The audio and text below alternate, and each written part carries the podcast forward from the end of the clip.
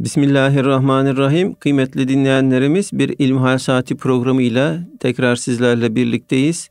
Yüce Rabbimizin selamı, rahmeti ve bereketi üzerimize olsun. Efendim sizlerden bize ulaşan ilmihal sorularına değerli hocamız Doktor Ahmet Hamdi Yıldırım cevap veriyor. Muhterem hocam ilk sorumuz şöyle.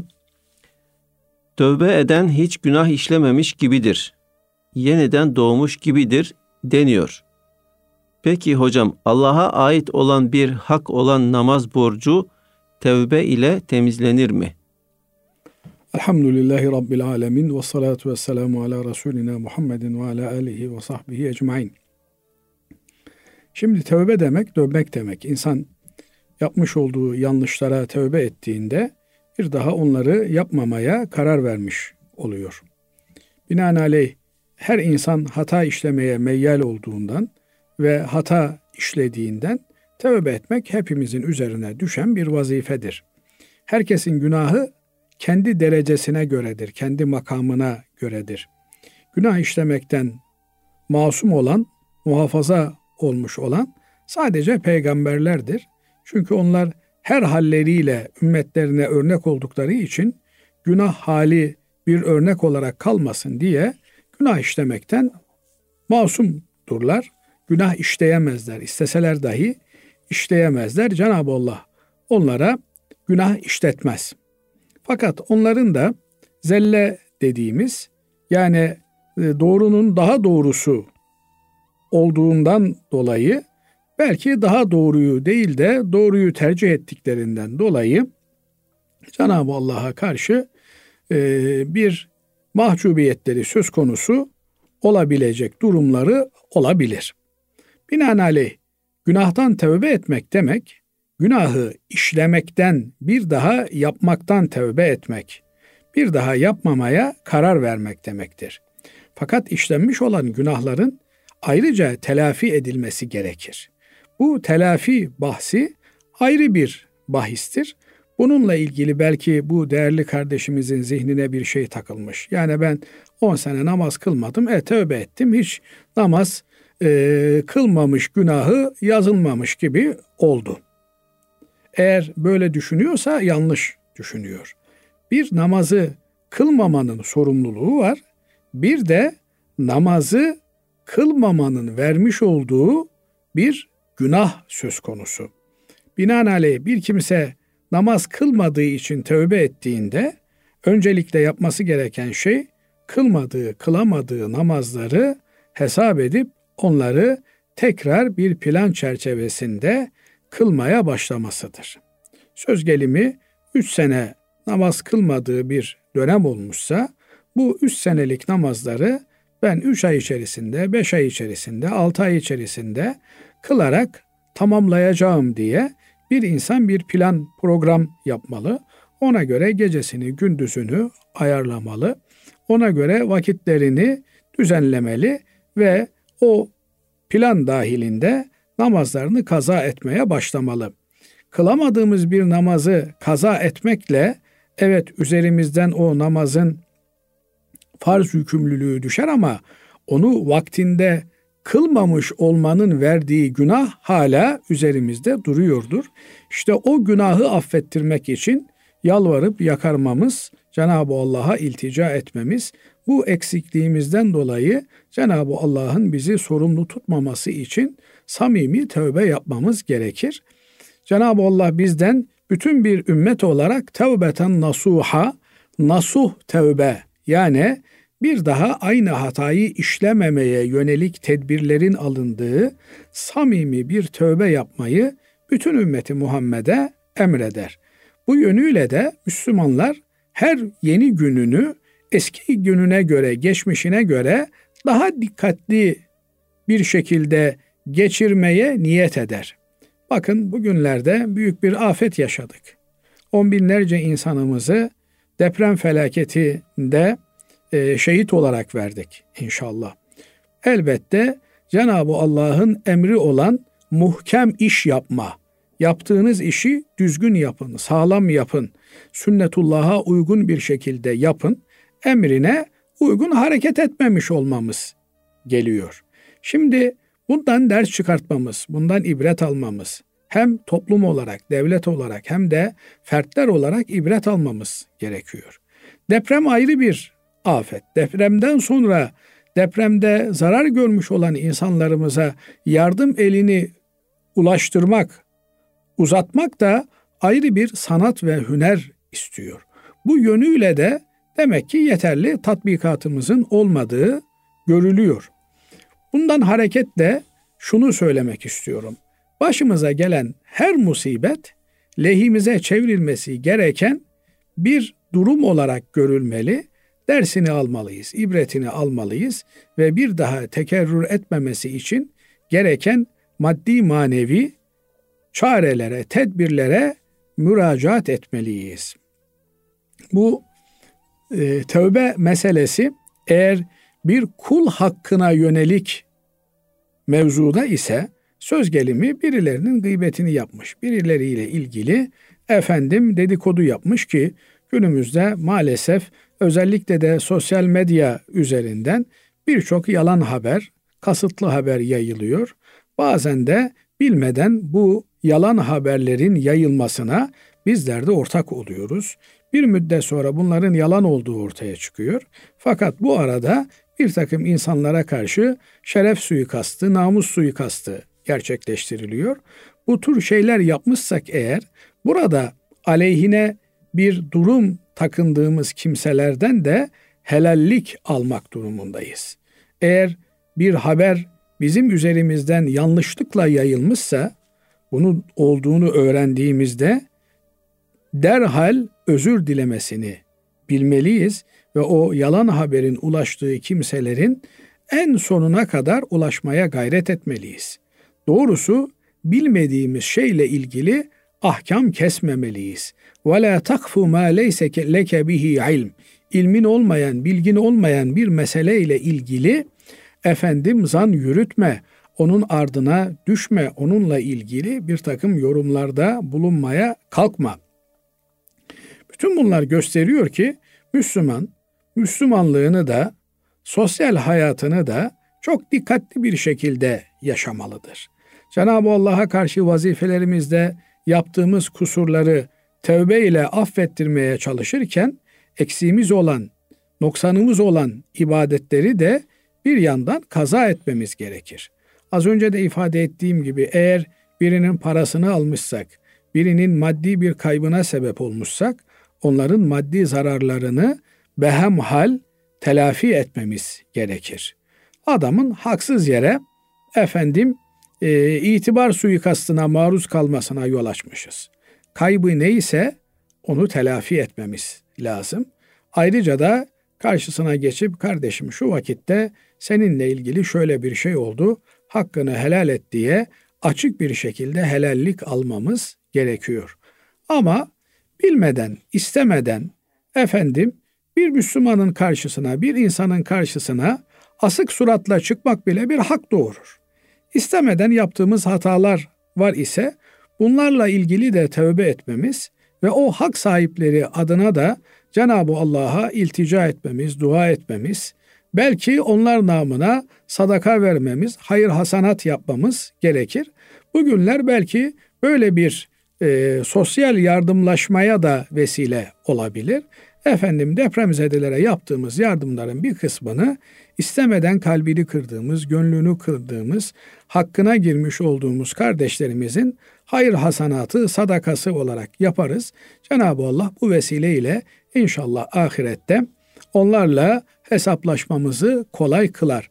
Ama imkanımız olduğu bildiğimiz bir mesele varsa orada böyle e, dolaylı yollarla helalleşmeye gitmek olmaz. Adamın parasını almışsan, zararına yol açmışsan, efendim arabasını çizmişsen, tekerini patlatmışsan bunlarla ilgili çok özel bir şekilde gidip durumu anlatıp zararını tazmin edip helallik almak sonra da böyle bir e, iş yaptığından dolayı Cenab-ı Allah'a tövbe etmek gerekir. Yoksa ben tövbe ettim. E, e benim bütün günahlarım silindi. Öyle bir şey yok. Evet hocam. Şimdi e, esasında biraz değindiniz ama e, tam da ikinci ikinci sorumuz bununla ilgiliydi. E, dinleyicimiz şöyle bize yazmış. Farklı bir dinleyicimiz. Namaza yeni başladım ve bir şey duymuştum. Allah'ın en sevdiği ibadet istikrarlı olandır. Az ama sürekli olandır. Ben kaza namazlarımı da kılmak istiyorum fakat yeni başladığım için hem kaza hem farzlar, sünnetler derken öyle oluyor ki nefsime bazen ağır geliyor. Bu nedenden ötürü kendimi alıştırana kadar evvela farzları ve sünnetleri eda etmem, daha sonra yavaş yavaş kazalara başlamamın bir mahsuru var mı diye soruyor. Kısaca hocam buna da e, bir şeyler söylerseniz. Şimdi tabii e, insan ömrü kısa. Ne zaman ölümün gelip bize çatacağını bilemiyoruz. Binaenaleyh bir borcumuz varsa bu borcu ivedilikle bir an önce ödeme gayreti içerisinde olmamız gerekiyor. Efendim benim bir milyon borcum var bunu yek seferde ödeyemiyorum, defaten ödeyemiyorum, peyderpey ödeyebilir miyim? Bir ödeme planı yaparak bir insan ödeyebilir. Ama bu kardeşimize şunu söylemem gerekir ki asıl ilk dönemlerde daha heyecanlı bir şekilde insan namaz kılabilir. Ve sona doğru o heyecan azalacağı için orada biraz daha vites küçültmek söz konusu olabilir. Ma bu tür özel durumlarda kardeşlerimizin danıştıkları, dertlerini açtıkları, efendim fikir alışverişinde bulundukları bir sohbet abilerinin olması lazım gelir. Bir Müslüman mutlak surette diğer Müslümanlarla bir arada oturup toplum müşavereler, meşvereler yapmak durumundadır. Binaenaleyh eğer birden ibadet yoğun bir hayat alışkanlıklarını terk ettiği için bir takım sıkıntılara yol açacak olursa o zaman tedrici olarak yavaştan yavaştan vitesi yükselterek makul bir süre içerisinde efendim bu eksiklerini, noksanlarını telafi etme cihetine gider. Fakat bunun bir günü, bir saati yok. Cenab-ı Allah kulundan bir kararlılık görürse, bir azim görürse elbette onun eksiklerini niyetine göre bağışlar. Ama namaz kılmaya vakit bulamayan bir adam efendim gündelik hayatında boş işlerle uğraşıyorsa, dedikoduyla uğraşıyorsa, Ya Rabbi çok yoğun namaz hayatı bana zor geldi. Onun için böyle zamana yayarak hani senin peygamberinde demişti makbul olan devamlı olandır. Ben de işte borçlarımı birden bitirmeyeyim, yavaş yavaş bitireyim diye düşündüm diye bir gerekçe ileri sürerse bu gerekçe tutarlı bir gerekçe olmaz. Cenab-ı Allah bizden bütün bir kulluk hayatımızı tutarlı bir şekilde ve sürdürülebilir bir düzeyde istiyor. Ama senin eksiğin var, borcun var, gediğin var, yapman gerekeni yapmamışsın, eksiklerin kalmış. Binaenaleyh böyle bir durumda ben e, bundan sonra eksiklerimi de yavaş yavaş tamamlayayım moduna bir insanın kendisini alması pek doğru bir davranış olmaz kanaatindeyim. Bir an önce insan e, tedbirlerini almak suretiyle makul bir çerçevede ki bunun asgarisi efendim her namazın sonuna bir kaza namazı eklemek olmalıdır. Evet Allah razı olsun. Değerli hocam şimdi e, depremle bağlantılı olarak bir soru var. E, yağma nedir? Yağmacı kimdir?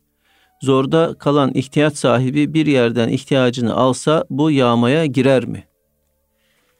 Şimdi yağma nedir? Toplumsal bir şekilde birilerinin e, dükkanlarını kırarak girmek ve oradaki e, malları birer ikişer ihtiyacı olup olmadığına bakmaksızın talan etmek, çalmak demektir. Bu ferdi bir hareket olursa hırsızlık olur. Eğer toplu bir şekilde yapılıyorsa buna da yağma suçu denir ki ne e, dini olarak ne de insani olarak e, böyle bir şey asla e, kabul edilebilecek bir şey değildir. İnsanlar ne kadar zor durumda olurlarsa olsunlar ancak ihtiyaçlarını giderebilecek kadar bir şeyi başkalarından e, alabilirler.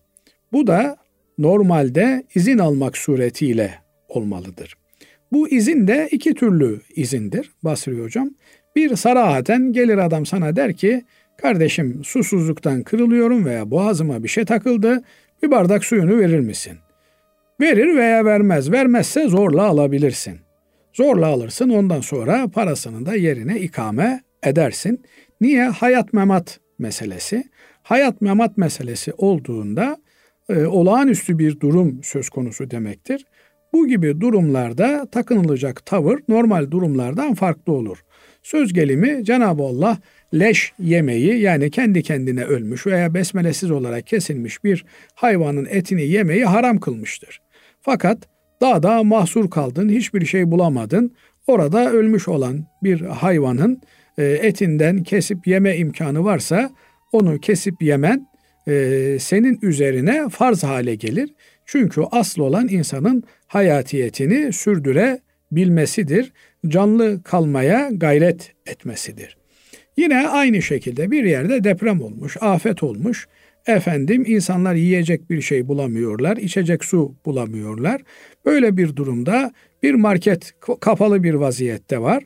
O marketin kapısını kırıp içerisinden ihtiyaçları olan suyu, yiyeceği alabilirler. Fakat daha sonra kırdıkları kapının da parasını ödemek, içtikleri suyun da ücretini oraya geri ödemekle yükümlüdürler. Evet ihtiyacınızdan sebep yani ölümle burun buruna geldiğinizden dolayı kapalı olan bir mahalli kırıp içerisinden ihtiyacınız olan yiyeceği, içeceği alma ruhsatı Cenab-ı Allah size tanımıştır. Fakat siz çaresiz kaldınız diye bir başkasının malını çalma, talan etme hakkı size verilmemiştir. Binaenaleyh imkanını bulduğunuz an yaptığınız zararı normal şartlarda telafi etmeniz gerekir. Bunun da yolu efendim e, bir müddet sonra o bakkala, markete neyse gidip ben buradan iki şişe su almıştım. Efendim iki paket makarna almıştım. Ücreti ne kadar diye sorup o ücreti oraya vermektir. Fakat maalesef bir takım kimseler ki bunlar çok e, cüz'i bir oranı teşkil etmesine rağmen basında çok büyük yaygaralar kopartılmış. Böylelikle de Türkçemizde güzel bir raf var. Şuyu'u vukuundan beter. Maalesef bunları da işte az önce ona da değinmeye çalıştım. Bilip bilmeden yayıyoruz. Bu haberleri yaymak belki bu işi yapmak kadar büyük bir cinayettir. Çünkü bunlar yaygınlaştıkça insanlarda şöyle bir kanaat oluşuyor. Canım herkes yapıyorsa ben de yapayım. Halbuki herkes yapmıyor. Belki toplumda birkaç tane kendini bilmez, densiz kimse yapıyor. Bunlar zaten normal zamanda da çalan çırpan insanlardı. Fakat normal zamanda çalmayı çırpmayı gizli yapıyorlardı. Şimdi nasıl olsa kimse yok diye aleni yapma e, densizliğini, çirkefliğini gösterdiler. Bunları çeken birkaç kişi de sözüm ona çok büyük bir iş yaptığını zannederek bunları yayıyor. Oysa bu yaymalar kötülüğün yayılması anlamına gelir ki zaman içerisinde bir kabul oluşturur Allah muhafaza eylesin ve insanlarda duyarsızlığa sebep olur. Oysa Müslümanın günaha karşı duyarlı olması lazım. Müslümanın talana karşı, hırsızlığa karşı, başkasının malına, mülküne karşı ya orada insancıklar belki de enkazın altında can çekişiyorlar. Belki de enkazın altında inşallah şehit olmuşlardır. Vefat etmiş bir dram yaşanıyor. Diğerleri de onların mallarını böyle talan ediyorlarsa burada insanlığın bittiği nokta anlamına gelir. Onun için devlet dediğimiz müessese önemlidir. Allah'a hamdolsun ki başımızda bir devletimiz var. Nizamı, intizamı temin ediyor, tesis ediyor. Bu tür kendini bilmezler içinde kolluk kuvvetleri azami dikkat gösteriyor. Fakat buradan şunu da ifade etmek lazım ki bu tür hassas zamanlarda kurunun yanında yaş da maalesef yanmakta ve maalesef hiç böyle şeylerle alakası olmayan insanlar bazen ırkından, bazen dilinden, bazen de aidiyetlerinden dolayı birileri tarafından itilip kakılabiliyor. Allah muhafaza eylesin. Bu tür haksız yere insanlara yapılan ithamlar, bu tür haksız muameleler indi ilahide çok şiddetli bir cevap görür. Onun için gazabı ilahiyeyi de ilahi gazabı da üzerimize çekmememiz lazım. Bize göre belki Hataylı, Trabzonlu, Diyarbakırlı farklılık ifade edebilir. Ama Allah katında bütün insanlar eşittir ve Allah kullarının arasında ayrım güdülmesine asla müsaade etmez. Şimdi son zamanda toplumumuzda yaygın bir şekilde mültecilere karşı böyle bir isteme yüzcü tavır ortaya konuluyor ki bunlar Allah muhafaza etsin mazlum olarak ülkemize sığınmış, afetlerden kalkmış, savaştan kaçmış ve sulh sükunet içerisinde kendi hayatını yaşayan insanlara karşı düşmanca tavırlar Allah muhafaza eylesin ilahi cezalandırmayı mucip şeyler haline gelebilir. Onun için iyi ile kötüyü ayırt edebilmek lazım. Suçluyla suçsuzu iyi ayrıştırabilmek lazım. Dolayısıyla suçsuz olan insanlara ilişilmesi ve onlara hırsız muamele yapılması da çok tehlikeli bir şeydir. Buna da çok dikkat etmek lazım. Ama suçu olan, hırsızlığı olan, yağmaya karışan, talana karışan kimselere de cezalarının verilmesi gerekir. Fakat bunun toplumun bütününe yayılmış gibi gösterilmesi de ayrıca toplumsal yozlaşmayı doğurabilecek şeylerden olduğundan dolayı dikkatli olunması gereken bir husustur. Yeri gelmişken hatırlatmak istedim. Evet Allah razı olsun hocam. Kıymetli dinleyenlerimiz şimdi kısa bir ara veriyoruz. Aradan sonra inşallah kaldığımız yerden devam edeceğiz. Kıymetli dinleyenlerimiz İlmihal Saati programımıza kaldığımız yerden devam ediyoruz. Hocam diyor dinleyicimiz, namazda bir yerin kanaması namazı bozduğunu biliyoruz. Ve can tehlikede ise namazı bozmak gerektiğini de biliyoruz. Fakat şöyle bir şey var. Bir zat namaz kılarken sabah ya da başkası olabilir net hatırlamıyorum diyor. Ayağından veya bir bölgesinden ok ile vuruluyor ve namazını bozmuyor. Canı tehlikeye girmesine rağmen bozmaması ve vurulmasından dolayı kanaması olması namazını nasıl bozmuyor? Bizim de böyle mi davranmamız gerekir ya da burada bir çelişki mi var? Şimdi güzel bir konuya temas ediyor kardeşimiz. Bir yönüyle de lüzumsuz bir meseleye kendisini takmış görünüyor. Böyle rivayetler var. İşte namazda bazı Müslümanların kendinden geçtiği, tamamen namazı namaz gibi kıldığı, namazda dünya hayatından koptuğu, dolayısıyla da Cenab-ı Allah'a kendini verdiği, bir nevi boyut değiştirdiği, bu maddi alemden ruhlar alemine intikal ettiği, dolayısıyla maddi alemin elemi, sızısı, kederi ona isabet etmediğine dair bir takım rivayetler var. Hazreti Ali Efendimizle de ilgili bu rivayet var ayağına isabet eden bir e, nesnenin çıkartılması için kendisine anestezi yapılması teklif ediliyor. O mübarek de diyor ki anestezi de Allah'tan gafil kalmaktan korkarım. Biliyorsunuz her dönemin kendine göre uyuşturma metotları var.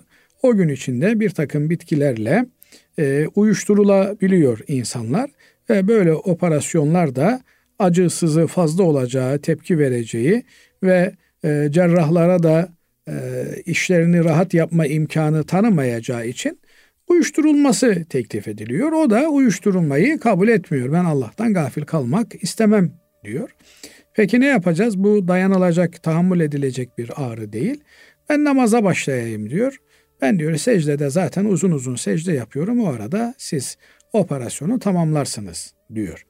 Şimdi burada anlatılmak istenilen mesele Hz. Ali Efendimizin namazda dünya ile irtibatını kopardığı, adeta dünya ile bağını kesmiş olduğu için dünyalık hiçbir acıdan, sızıdan his e, hislenmediği, e, ona karşı bir tepki vermediği meselesi. Kardeşimizin aklına takılan bu yönünü ibret almak yerine böyle bir namaz kılmamız lazım gelir yerine oysa biz namaz kılıyoruz. Namazda aklımıza bin bir türlü şey geliyor. Burada anlatılmak istenen namazda tamamen dünyadan soyutlanmamız, dünya ile ilişkili bütün düşüncelerden soyutlanmamız, kendimizi Cenab-ı Allah'ın huzurunda hissetmemiz. O bu noktadan ibret almak yerine kafasına şu takılmış. E kardeşim bunun e, ab, abdesti bozulmadı mı? Bozuldu. Abdesti bozuldu. E ne yapacağız? Bir daha kılar kardeşim yani sen eğer onu dert ettinse bunun abdesti bozuldu mu bozulmadı mı meselesini dert ettinse namazını bir daha kılar. Kıldığı nafile bir namazdı ama senin hatırın olsun sen canını sıkma bir daha senin için namazını kılar. Bu e, ve buna benzer meseleler maalesef işin özünü, cevherini kaybetmemize yol açıyor. Cenab-ı Allah da onun için Kur'an-ı Kerim'de bak dikkat ederseniz Basri Hocam olayın özünü anlatır. Teferruat vermez. Biri geldi der. Vaca araculun min aksal medineti yes'a. Şehrin ucundan biri geldi. Hangi şehirdi? Gelenin adı neydi? Boyu kaç santimdi? Bunlarla ilgilenmez. Binaenaleyh bu tür, bu tür teferruatlar lüzumsuz şeylerle meşgul olmaktır. Evet işin cevherini kaparsın, işin ruhuna vakıf olursun. Ondan sonra da bu tür teferruatlarla ilgili bir e, efendim bilgi paylaşmasına insan girer ve onunla ilgili taati efkar dediğimiz düşüncelerini ortaya koyar. Mamafi bir başka meselede Hz. Peygamber aleyhissalatü vesselam Efendimizin e, bir yere nöbetçi bıraktığı bir sahabe efendimiz namaz kılmaya başlar nöbetteyken. Onun namaz kıldığını gören müşrikler de ona ok atarlar. Namazdan öyle bir zevk halindedir, öyle bir huşu halindedir ki akan atılan okla ondan etkilenmez. Ve namazına devam eder. Ama iş biraz daha yoğunlaşınca efendim bunun neticesinde e, vefat edip orduyu ikaz edememe tehlikesi görünce yani olay yine bakın başka bir ibretlik boyut var. Kişisel ibadetten zevk alma boyutunu aşıp da toplumsal bir faciaya dönüşecekse o zaman kişisel zevkinden taviz verip ümmeti Muhammed'i ikaz etme görevini yüklenmesi icap eder. Şimdi böyle bir durumda e, burada kardeşim bunun abdesti bozulmadı mı? Namaz nasıl namazına devam ediyor? Hemen gidip abdest alması gerekmez mi? Türünden olayı başka taraflara çekmenin bir alemi yok. Kaldı ki biliyorsunuz kanın abdesti bozup bozmayacağı meselesi alimlerimiz arasında ihtilaflıdır. Evet ağırlıklı alimlerimiz kan çıkması vücuttan abdesti bozar derler ama bazı alimlerimiz de kan çıkması abdesti bozmaz derler. Şimdi bu sahabe efendilerimizin e, yaşadığı şartları yaşayalım. Böyle bir e, efendim enkazın altında mesela bu kardeşimiz e, depremzedeleri kurtarmayla meşgul olsun. O arada eli kanamış, ayağı kanamış. O kanlarla beraber abdest alsın. Abdesti caizdir, abdesti bozulmamıştır, namazını kılsın. Ama sıcak suyun olduğu bir yerde, evinde bu tür menkıbe kitaplarından böyle şeyler okuyup da kardeşim madem abdest kanla bozulmuyormuş, biz niye o zaman burnumuz kanadığında abdest alıyoruz türünden bir eğer kendi kendine iştihad etmeye yeltenecekse kusura bakmasın. Yani burada bu menkıbelerin anlatmak istediği asıl vurgulanmak istenen namazı namaz gibi kılmaktır. Şimdi ben kendime dönüp bakıyorum. Ben namazı namaz gibi kılabiliyor muyum? Benim kıldığım namaz namaz mı? Öyle oluyor ki dört kılacağımız namazı beş kılıyoruz farkında olmuyoruz. Şimdi değerli hocam e, bazı insanlarımız bazı e, veyahut da yeni başlayanlar e, bu e, kitap okumaya, efendim dine e, ısınmaya yeni başlayanlar şeyleri ayırt edemiyorlar. Yani bahisleri, e, konuları birbirinden ayırt edemiyorlar. Yani efendim siyer kitabı okuyor veyahut da ahlak kitabı okuyor. Oradan işte söz ettiğiniz gibi yani fıkhi bir sonuca e, ulaşıyor. Bu konuları bir evet, kere doğrusunuz. Yerinde söylediniz, ikazda bulundunuz. Arada böyle ikazlarınızı da bekliyoruz hocam. Şimdi tabi siyer kitabından eğer adam fıkıh devşirmeye kalkarsa veya menakıb kitabından veya romanlardan veya işte gazete sayfalarından veya takvim yapraklarından fıkıh öğrenmeye kalkarsa neticesinde bu tür şeyler olabiliyor. Onun için biz fıkhımız ilmihal kitaplarından öğrenmemiz lazım. Onlar kendilerine ait bir dünyada yaşadılar ve bu tür rivayetler dediğim gibi e, bunlardan fıkıh almaya yönelik anlatımlar olmadığı için orada anlatılmak istenen mevzuya odaklanmak lazım. Diğer meseleleri kendi içerisinde halletme yani ilmihal bilgisini ilmihal kitaplarından almaya gayret etmek lazım. Evet. Şimdi değerli hocam bir kardeşimiz şöyle bir e, soru sormuş. Müslüman bir erkek gayrimüslim bir bayanla evlenebilir de neden Müslüman bir kadın gayrimüslim bir erkekle evlenemez? Çünkü Cenab-ı Allah öyle buyurmuş. Yani gayrimüslimlerin ki bu gayrimüslimlerden maksat da ehli kitaptır. Ehli kitabın kadınları size helaldir buyurmuş. Ama e, sizin kızlarınız ehli kitap erkeklerine helaldir dememiş. Dolayısıyla bunun e, basitçe cevabı bu. Eğer biz Allah'ın kuluysak Allah'ın emirleri bizi bağlar. Allah neyi emrederse, neye müsaade ederse onu yaparız, yapabiliriz. Neyi de bize yasaklamışsa ondan uzak durmamız gerekir. Buradan anlaşılan e, ehli kitabın yani Yahudi ve Hristiyanların kadınları Müslüman erkeklerine helaldir. Onlarla evlenebilirler. Bu evlenmenin de bir takım hükümleri vardır. Ama Müslüman kadınlar gayrimüslim Yahudi ve Hristiyan erkeklerle evlenemezler.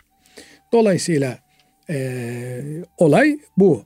Ama hikmeti nedir meselesine gelince, şimdi burada hikmet söylemekten de çekiniyorum. Niye? Ama öyle değil diye hikmeti çürütünce efendim hükmün de çürüyeceğini zannediyor bazıları. Öyle değil. Söz gelimi trafik işaretleri var bir yerde. Kırmızı yanmış. Kırmızıda durmanız lazım. Peki niye ben kırmızıda duruyorum? Trafik. Çünkü trafik işaretleri yol üstünlüğünün kime ait olduğunu tespit etmek içindir. E kardeşim onun için ortada bir trafik olması lazım. Gecenin ikisinde trafik yokken kırmızıda ben durmazsam, geçsem trafik memuru, polis beni ileride durdurduğunda kardeşim bu ışık burada lüzumsuz yanıyordu desem çünkü trafik yok yani trafiğin olmadığı yerde trafik işaretine ne gerek var desem polis memuru kardeşim daha doğru diyorsun bak ben hiç bunu düşünmedim tamam sana ceza yazmayalım der mi? Demez ben onu bunu bilmem kardeşim der. Kırmızıda geçtin mi? Geçtin. Diyor ki kanun maddesi kırmızıda geçene şu kadar ceza uygulanır. Olay bitti. Şimdi işin felsefe kısmı, işin hikmet kısmı farklı bir mesele. Binaenaleyh burada bizim bilmemiz gereken Cenab-ı Allah efendim bu Yahudi ve Hristiyanın kim olduğu da ayrı bir mesele. Yani bugün e, o anlamda Yahudi ve Hristiyan var mı? Bugün işte Avrupa dünyası, Amerika dünyası Yahudi ve Hristiyan barındırıyor mu? Çok az. Belki yüzde bir, belki yüzde iki. Genelde ateist, deist insanlar. Yani Allah tanımıyorlar, din diyanet nedir bilmiyorlar. Kültürel olarak Hristiyanlar, kültürel olarak Yahudiler. Binaenaleyh bunların Yahudi ve Hristiyanlıkları da şüpheli. İşte adam gidiyor Rusya'ya, Rusya'da bir bayanla evleniyor. Neymiş efendim? Ee, Ortodoksmuş, e, Hristiyanmış, e, Hristiyan kadınla evlenilir. Eğer bu insanların bir ahiret inancı yoksa kimse kimseyi kandırmasın. Bunlar Yahudi de değildir, Hristiyan da değildir. Yani Yahudi ve Hristiyanla evlenilebilmesi için de bunların bir ahiret inancının olması lazım. Yani bir nevi dindar Yahudi veya dindar Hristiyan evet, olması lazım. Evet yani bir kitaba iman etmesi lazım. O kitaptaki ahiret inancına sahip olması lazım. Hasılı kelam bu düzenlemeler Cenab-ı Allah'ın emridir. Kaldı ki e, bir Müslüman erkek hanımının üzerinde iyi rol model olmak suretiyle e, hanımının Müslüman olmasına vesile olabilir. Ama bir Müslüman e, kadın aynı durumda değildir. Dolayısıyla Müslümanın evlenmek için Müslümanı arayıp bulması gerekir. Binaenaleyh bir Müslüman kadının e, bir Müslüman erkek gayrimüslimle evlenebiliyor da ben niye evlenemiyorum diye bir itiraz da ortaya çıkması doğru bir hareket, doğru bir davranış değildir. Müslümanca bir bakış açısı değildir. Şimdi değerli hocam yine namazla ilgili bir e, soru gelmiş. Efendim diyor ki kardeşimiz şimdiye kadar dört rekatlı namazların hep sadece üçüncü rekatında Sübhaneke, Besmele, Fatiha ve sure şeklinde okuyordum ama öğrendim ki üçüncü rekatta Sübhaneke duası okunmuyormuş. E, efendim demektir ki şimdiye kadar namazlarımı yanlış kılmışım. Bu hatamdan dolayı hepsini kaza yapmalı mıyım? Yok. Kaza yapmasına gerek yok. Fakat bundan sonra usulüne, erkanına dikkat ederek namazlarını kılması gerekir. Biz e, Subhaneke'yi namazın başında okuyoruz. Binaenaleyh dört rekatlı farz bir namazın başı ilk rekatıdır. Orada okuruz. Yine dört rekatlık müekket olan bir sünnetin başı ilk rekatıdır. Ama gayri müekket olan sünnetlerde mesela ikindinin sünneti, ilk sünnetim, ikindi de zaten tek sünnet var. Yatsının ilk sünneti gayri müekket olan sünnetlerdir.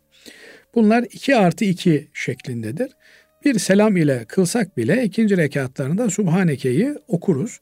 Böyle e, olanlarda ikinci rekattan sonra üçüncü rekatta Subhaneke'yi okumamızda bir e, sıkıntı olmadığı gibi okumamız müstahaptır. Ama farz namazlarda ve müekket namazların e, üçüncü rekatlarında Subhaneke'yi okumamız doğru olmaz. Hazreti Peygamber aleyhissalatü vesselam Efendimizin talimi bu şekilde. Binaenaleyh evet e, namazın içerisinde okunan dualardan olduğu için e, sehven okumuş kardeşimiz binaenaleyh bunu tekrar kaza etmesine gerek yok ama bundan sonra bu bilgi ışığında namazlarını buna dikkat ederek kılması önemli. Değerli hocam şimdi şöyle diyor dinleyicimiz toptan kumaş alım satımı ile uğraşıyoruz. Bazı açık kadın kıyafeti satan yerlerle ticaretimiz oluyor. Onlara kumaş satıyoruz. Bizden aldıkları kumaşla o kıyafetleri yapıyorlar. İşletmelerine girip çıkarken kolay gelsin, hayırlı işler, Allah bereket versin tarzı söylemlerde bulunuyoruz. Bu söylemler küfre girer mi? Kazancımız caiz midir? Şimdi Müslüman ticareti ile de Müslümandır. Evinde Müslüman olduğu gibi iş yerinde de Müslümandır. Namazıyla Müslüman olduğu gibi alışverişiyle de Müslümandır. Binaenaleyh Müslümanlık parçalanabilir, bölünebilir bir şey değildir. Müslümanlık Allah'a kulluk demektir ve hayatın her alanında Allah'ın rızasını kazanmaya yönelik faaliyet yapmak mecburiyetindeyiz. Binaenaleyh biz ticareti efendim filan millet gibi yapmak lazım. Para kazanmak istiyorsan bilmem kimler gibi ticaret yapman lazım diye ticarette Müslümanlıktan taviz verebilecek durumda değiliz. Ticaretiyle de Müslüman Müslümandır. Nitekim tarih boyunca İslamiyet'in yayılmasında en önemli emeği geçen kimselerden bir grup da Müslüman tacirlerdir. Efendimiz Aleyhisselatü Vesselam bundan dolayı sadık tacir, peygamberlerle, sıddıklarla ve şehitlerle beraberdir ahirette buyurur. Niye? Ne yaptı da peygamberlerle beraber olma makam ve mevkiini elde etti? Çünkü peygamberlerin nasıl asli vazifesi dini tebliğ etmek, insanlara yaymak, ulaştırmaksa Müslüman sadık tacir de dinini tebliğ eder. Yaşadığı yaşantıyla, hayatla Müslümanlığını insanlara sergiler ve onun güzel Müslümanlığını görenler de onun gibi Müslüman olmak endişesine, telaşına kapılırlar. Binaenaleyh Müslümanlığın izhar edileceği alan darda olan efendim kimselere müsamahalı davranmak, yardımcı olmak, efendim parası yoksa, ihtiyacı varsa al kardeşim sen ihtiyacını gör. Asıl olan senin ihtiyacının karşılanmasıdır. Parayı sonra buldun mu verirsin, bulamazsan da canın sağ olsun diyerek gönül almaya gitmektir. Bir diğer taraftan da yaptığı ticaretle insanların Müslümanca yaşamalarına bir katkı sunmaktır. Eğer yaptığı ticaret insanların Müslümanca yaşamalarına katkı sağlamıyor, aksine Allah'a isyan olan bir iş yapmalarına yardımcı ve destekçi oluyorsa o zaman Müslüman orada ticaretini gözden geçirmekte mükelleftir.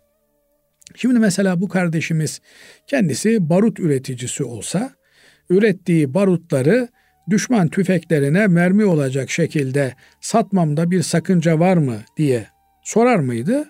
Sormazdı. Nihayetinde suç olan bir şeye yardım ve yataklık yapmak da suç olduğunu bilirdi. Efendim ben ip satıyorum. Bu sattığım ipin birilerinin elinde işkence malzemesi olacağını ben nereden bileyim? Bir problem var mı? Yok. Ama bilirse ki bu ipi alanlar birilerine bu iple işkence edecekler, onları boğacaklar, ellerini ayaklarını bağlayacaklar. O zaman bu ipi vermesi, tedarik etmesi doğru olur mu? Olmaz. Binaenaleyh eğer sattığı kumaşın Allah'a isyana dönüşeceğini biliyorsa bir kimse orayla ticaretini sonlandırma eğilimi içerisine girmelidir. Evet zahiren baktığında kimsenin niyetini sorgulamak durumunda değiliz. Efendim sen bu kumaşı alıyorsun ama ne yapacaksın? diye kimseyi soru sormak, sorgulamak durumunda değiliz. Ama biliyorsak ki alınan bu kumaşların e, insanlığın ifsadına yol açacak şekilde giyim kuşamda kullanılacağını o zaman Müslüman bundan tedirgin olmalı. Bundan endişeli olmalı. Onun yerine kumaşının daha doğru kullanılacağı yerlere ticaretini kaydırmaya çalışmalıdır. Bunu yaparken de aşırı vesveseci olmaya gerek yok. Yani e, efendim bir kıyafet vardır. Bunu ev içerisinde de giyersin, dışarıda da giyersin. Binaenaleyh bunu üreten de insanlar ev içinde giysinler çoluk çocuğuyla beraberken belki biraz daha öteye hanım kocasıyla beraberken bu kıyafeti giysin diye üretmiştir. Ama birileri bununla beraber bunu dışarıda giyiyorlar. O kadarına kimsenin bir müdahale etme şansı imkanı olmaz. Ama eğer görünen bir şeyse yani bir kumaş üretiyorsunuz, transparan bir kumaş üretiyorsunuz ve bu kumaşı kimlerin ne için kullanılacağı belli ise bunu üretmekten kaçınmak lazım. Onun yerine hayırda kullanılabilecek, efendim insanların soğuktan sıcaktan korunmasına, ar namus yerlerini örtmelerine yardımcı olacak şekilde genel geçer kumaşları üretmeye gayret etmek lazım. Bunu şunu da ifade etmek lazım ki yani toplumun çoğunluğu modaya tabi oluyor. Efendim hazır neyi buluyorsa onu giyiyor. Bu yönüyle de insanların daha e, düzgün giyinmelerine katkı sağlayacak ürünleri belki kar marjları daha düşük olmak suretiyle yönelmek lazım. Bunu da kulluğumuzun bir gereği olduğunu düşünerek yapmak lazım. Belki çok daha fazla para elde etme imkanı varsa da azını, helalini, temiz olanı, tıp olanını Müslüman tercih etmeye gayret etmeli. Değerli hocam, e, programımızın son sorusu e, efendim sevgili hocam diyor. Sevgili hocam, insan vefat etmiş şeyhinden medet, yardım talep edebilir mi? Bunun hükmü nedir? Şimdi medet, yardım bunlar e, Allah'ın kudretinde olan şeylerdir. Ne diyoruz? Elhamdülillahi Rabbil Alemin. Bütün hamdler alemlerin Rabbi Allah'a mahsustur diyoruz. Peşinden de İyyâke na'budu ve İyyâke nesta'in diyoruz. Ya Rabbi sana ibadet eder ve ancak senden yardım talep ederiz, senden medet talep ederiz diyoruz. Binaenaleyh dünyada da ahirette de e, yardım sadece ve sadece Cenab-ı Allah'tan talep edilir, Cenab-ı Allah'tan istenilir. Fakat Cenab-ı Allah kullarına rol model olması için insanlar peygamber olarak göndermiştir. Hatta bazı müşrikler niye bize gelenler insan da melek değil diye itiraz etmişlerdir. Yani kendilerinden birilerinin kendilerine peygamber olarak gönderilmesini de yadırgamışlardır. Oysa Cenab-ı Allah bize örnek olması için eğer melek olsaydı diyecekti ki kardeşim bu melek tabii yani o kadar namazı kılmış ama melek olduğu için hele sen gel bizim gibi insan ol da kıl bakalım. Bu yönüyle baktığımızda Hz. Peygamber aleyhissalatü vesselam Efendimiz çarşıdan pazardan alışveriş yapan sıradan bir insan gibi insanlıkta zirve bir şahsiyeti temsil ediyordu. Bu yönüyle eğer bir kimse şeyhini rol model olarak kendine kabul etmişse şeyhi hakikaten ahirette de ahirete intikal etmiş olsa da dünyada yaşıyor olsa da ona rol modellik yapmaya devam eder. Eğer bu e, medet eyle, imdad eyle sözü mecazen söylenmiş bir sözse yani ben e, senin ahlakını sürdüreyim, senin yaşantını takip edeyim, taklit edeyim. Böylelikle efendim e, senin gibi olmak suretiyle senin gibi Allah katında makbul bir kul olayım anlamına gelebilecek tarzda söylenmişse bunda bir sakınca yok. Nitekim e, insanlar dirilerden de istirşad ederler, ölülerden de istirşad ederler. Şimdi biz İmam Gazali'den istirşad etmiyor muyuz? Yani irşat talep etmiyor muyuz? Onun kitaplarını okuyoruz, onun hayatını okuyoruz. Hazreti Peygamber aleyhissalatü vesselam Efendimizin hayatı da, ölümü de bizim için irşat ve tebliğ. O e, hayatındayken bizzat sahabelerine sözleriyle vefatından sonra da o sözlerin bizlere aktarılmasıyla bize irşada devam ediyor. Ama e, bizzat işte e, kayıp olan eşyamı bana buldur, çocuğum depremin altında onu kurtar türünden böyle somut taleplerse bunlar e, Cenab-ı Allah'tan istenilecek şeylerdir. He, şu kadar olabilir ya Rabbi filan kulun hatırı sayılır bir kuldur. Senin nezdinde makbul bir kuldur. Ben de onu tanıyorum. Onunla bir hukukum var. O hukukun hatırına sen bunu bana lütfet diye Cenab-ı Allah'tan isteyebilir. Araya da bu tanışıklıklarını koyar. İşte şöyle düşünün birinin yanına gidiyorsunuz. Onunla bir muhabbet kurmak için ne diyorsunuz? Ya filanı tanıyor mu? Feşmekanı tanıyor mu? Ben de tanırım. Ya iyi güzel o zaman filan diye. Cenab-ı Allah bütün şeylere muhtaç değil ama buradan anlıyoruz ki Cenab-ı Allah iyi kullarının hatırını onlar vefat ettikten sonra da sürdürüyor. Yani bu Programın sonunda bu soruyu sordunuz ama tam bir programlık konu. Cenab-ı Allah hatır sayar mı? Sayar. Allah güzel kullarının hatırını sayar. Onların hatırına, kullarına ihsanda bulunur. Nitekim Kehf suresinin e, anlattığı e, Musa aleyhisselamla Hıdır aleyhisselamın yaşadığı o e, muhaverede, konuşmada e, üçüncü mesele var. Orada Musa aleyhisselamla Hıdır aleyhisselam bir köye gidiyorlar. Bizim karnımız çok aç. Bize yemek verin diyorlar. Onlar da diyorlar ki size yemek falan yok. Sonra Hızır diyor ki şurada bir bak duvar yıkılmak üzere gel bunu tamir edelim diyor. Musa aleyhisselam da dayanamıyor. Ya adamlar bize yemek vermedi sen köyün duvarını tamir ediyorsun diyor. Meseleyi biliyorsunuz. Ondan sonra o köyün duvarının iki tane yetim çocuğa ait olduğu, yetim çocukların şehirde oldukları fakat o duvarın altında babalarından kendilerine kalan bir hazine olduğu, duvar yıkılırsa hazinenin köylüler tarafından yağma edileceği, nihayetinde bu çocuklar büyüyene kadar buranın sağlam kalması. Peki kim bu çocuklar? Ve kâne ebuhuma saliha. Bunların babaları salih bir kimseymiş. Allah o babanın hatırını tutmuş, onların çocuklarına hatta rivayetlere göre bu yedinci kuşaktan bir baba. Yedi kuşak onun hatırını saymış.